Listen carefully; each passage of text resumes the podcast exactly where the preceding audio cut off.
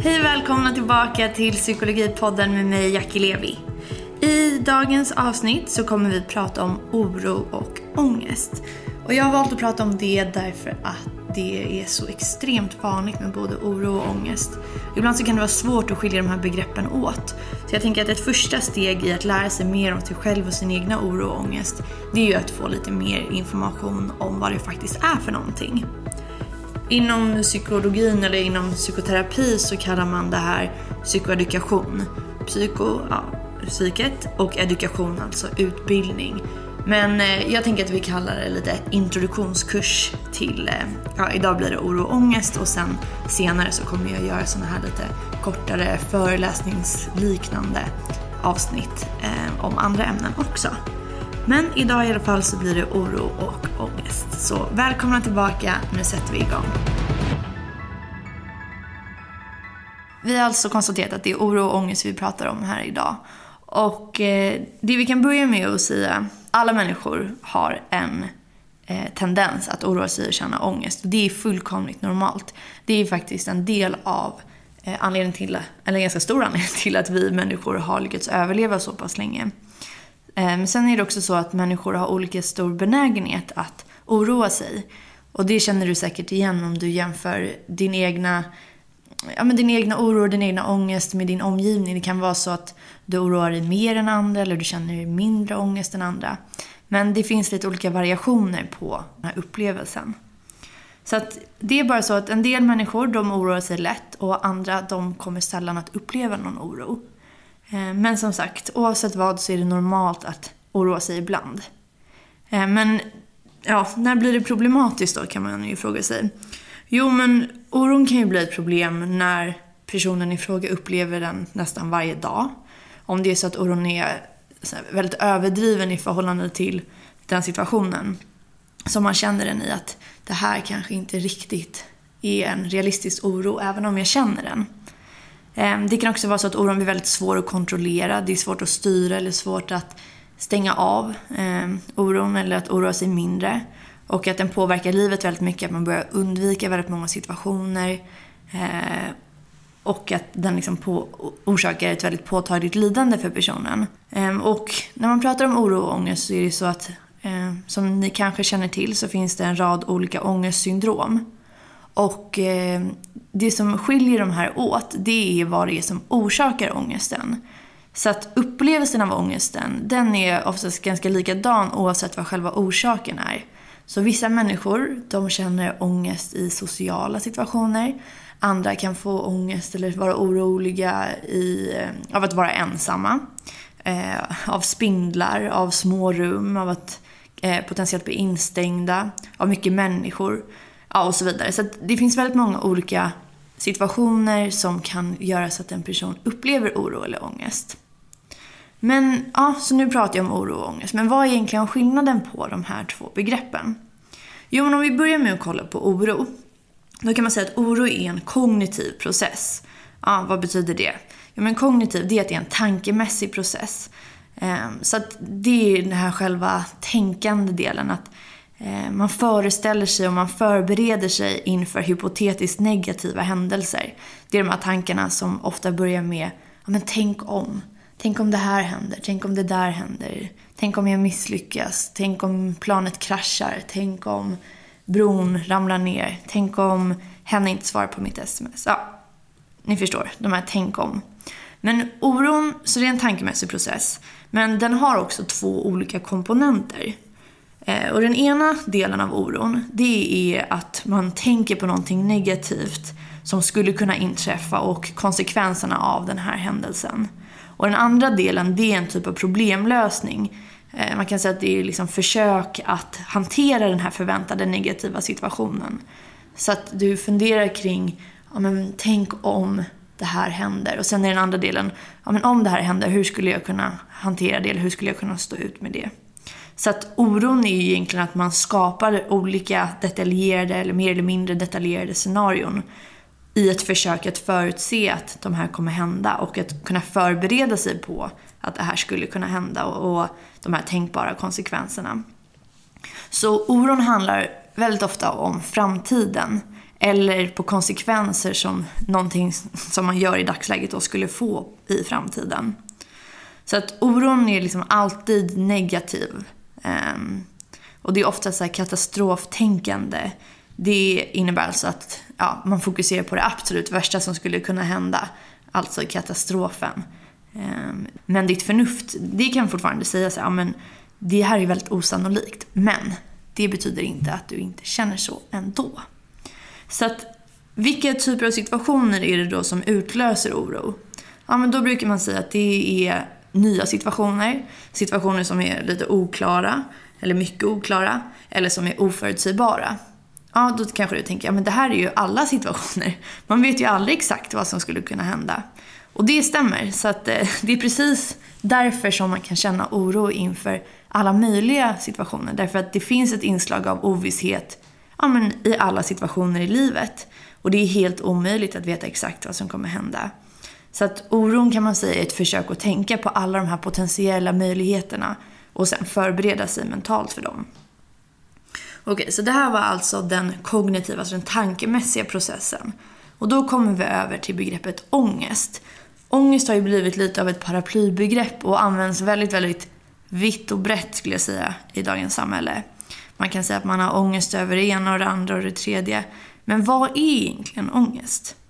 Jo, men ångest då, till skillnad från oro, det är någonting som uppstår i kroppen. Så att ångest är liksom det allmänna begreppet på de här fysiska reaktionerna som uppstår när kroppen eller hjärnan eller du själv upplever att du är i fara eller att du kanske känner dig hotad. Så att man kan säga att det är den här fight or flight reaktionen. Eh, ångestreaktionen ingår i liksom det här mänskliga larmsystemet. Eh, och är alltså de här kamp och flyktreaktionerna som, eh, om ni har lyssnat på de här avsnitten om stress, några av de första avsnitten som vi hade, så har ni fått höra lite mer om dem.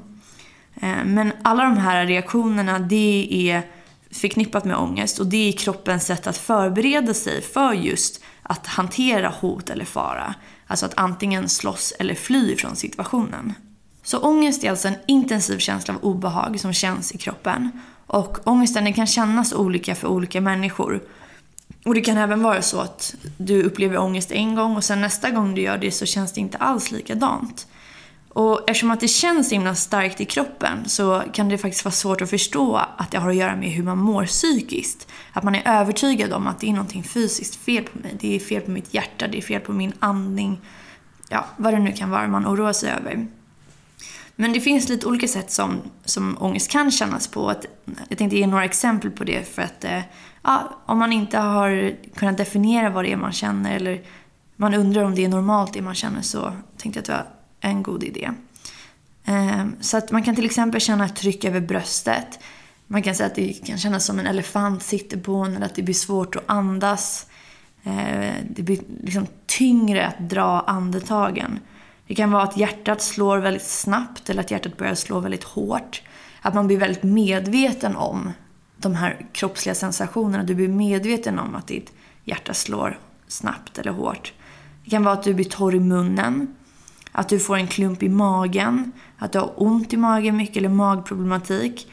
Man kan känna sig yr eller svag i musklerna. Man kan få overklighetskänslor. Det kan kännas som att man är i en bubbla på något sätt avskärmad från omvärlden.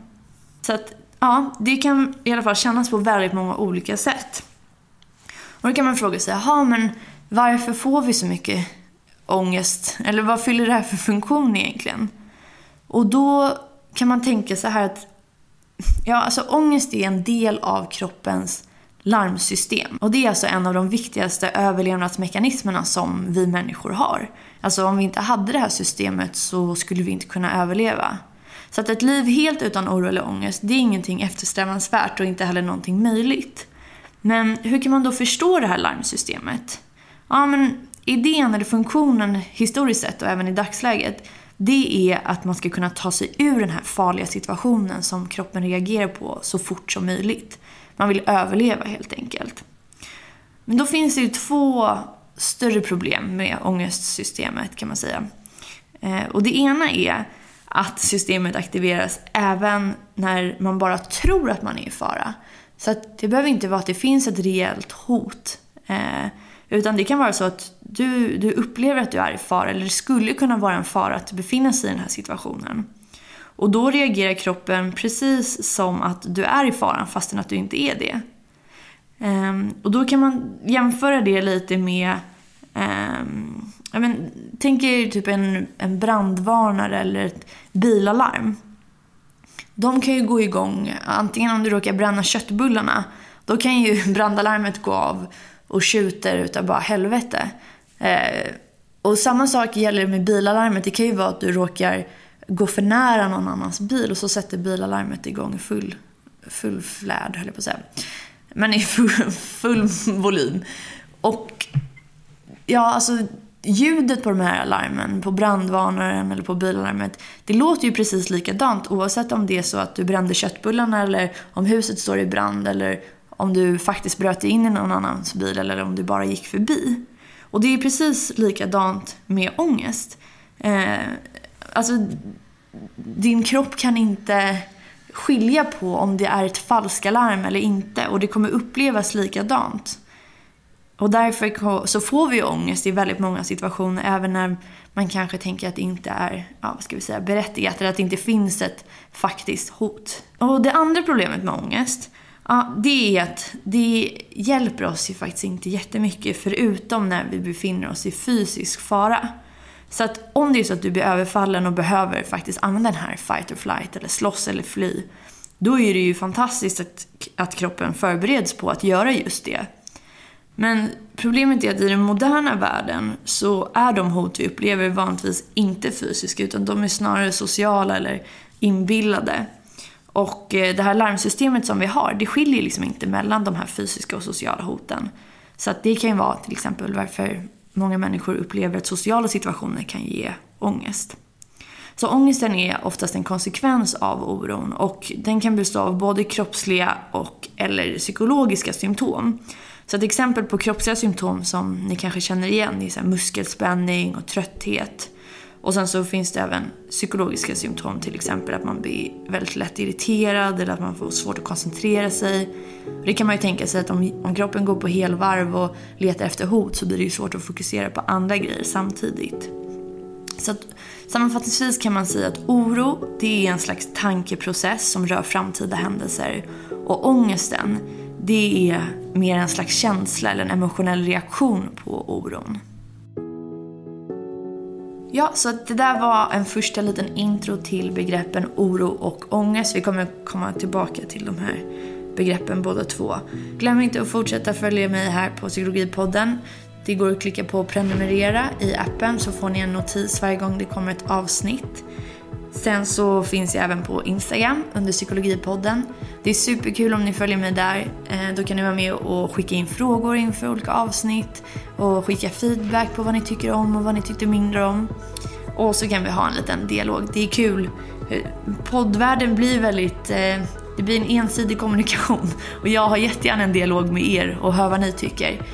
Så att ja, följ mig där eller skicka mail på psykologipodden hotmail.com. Tack så jättemycket för att ni var här med mig idag och vi hörs igen nästa vecka. Puss och kram, ha det bra, hejdå!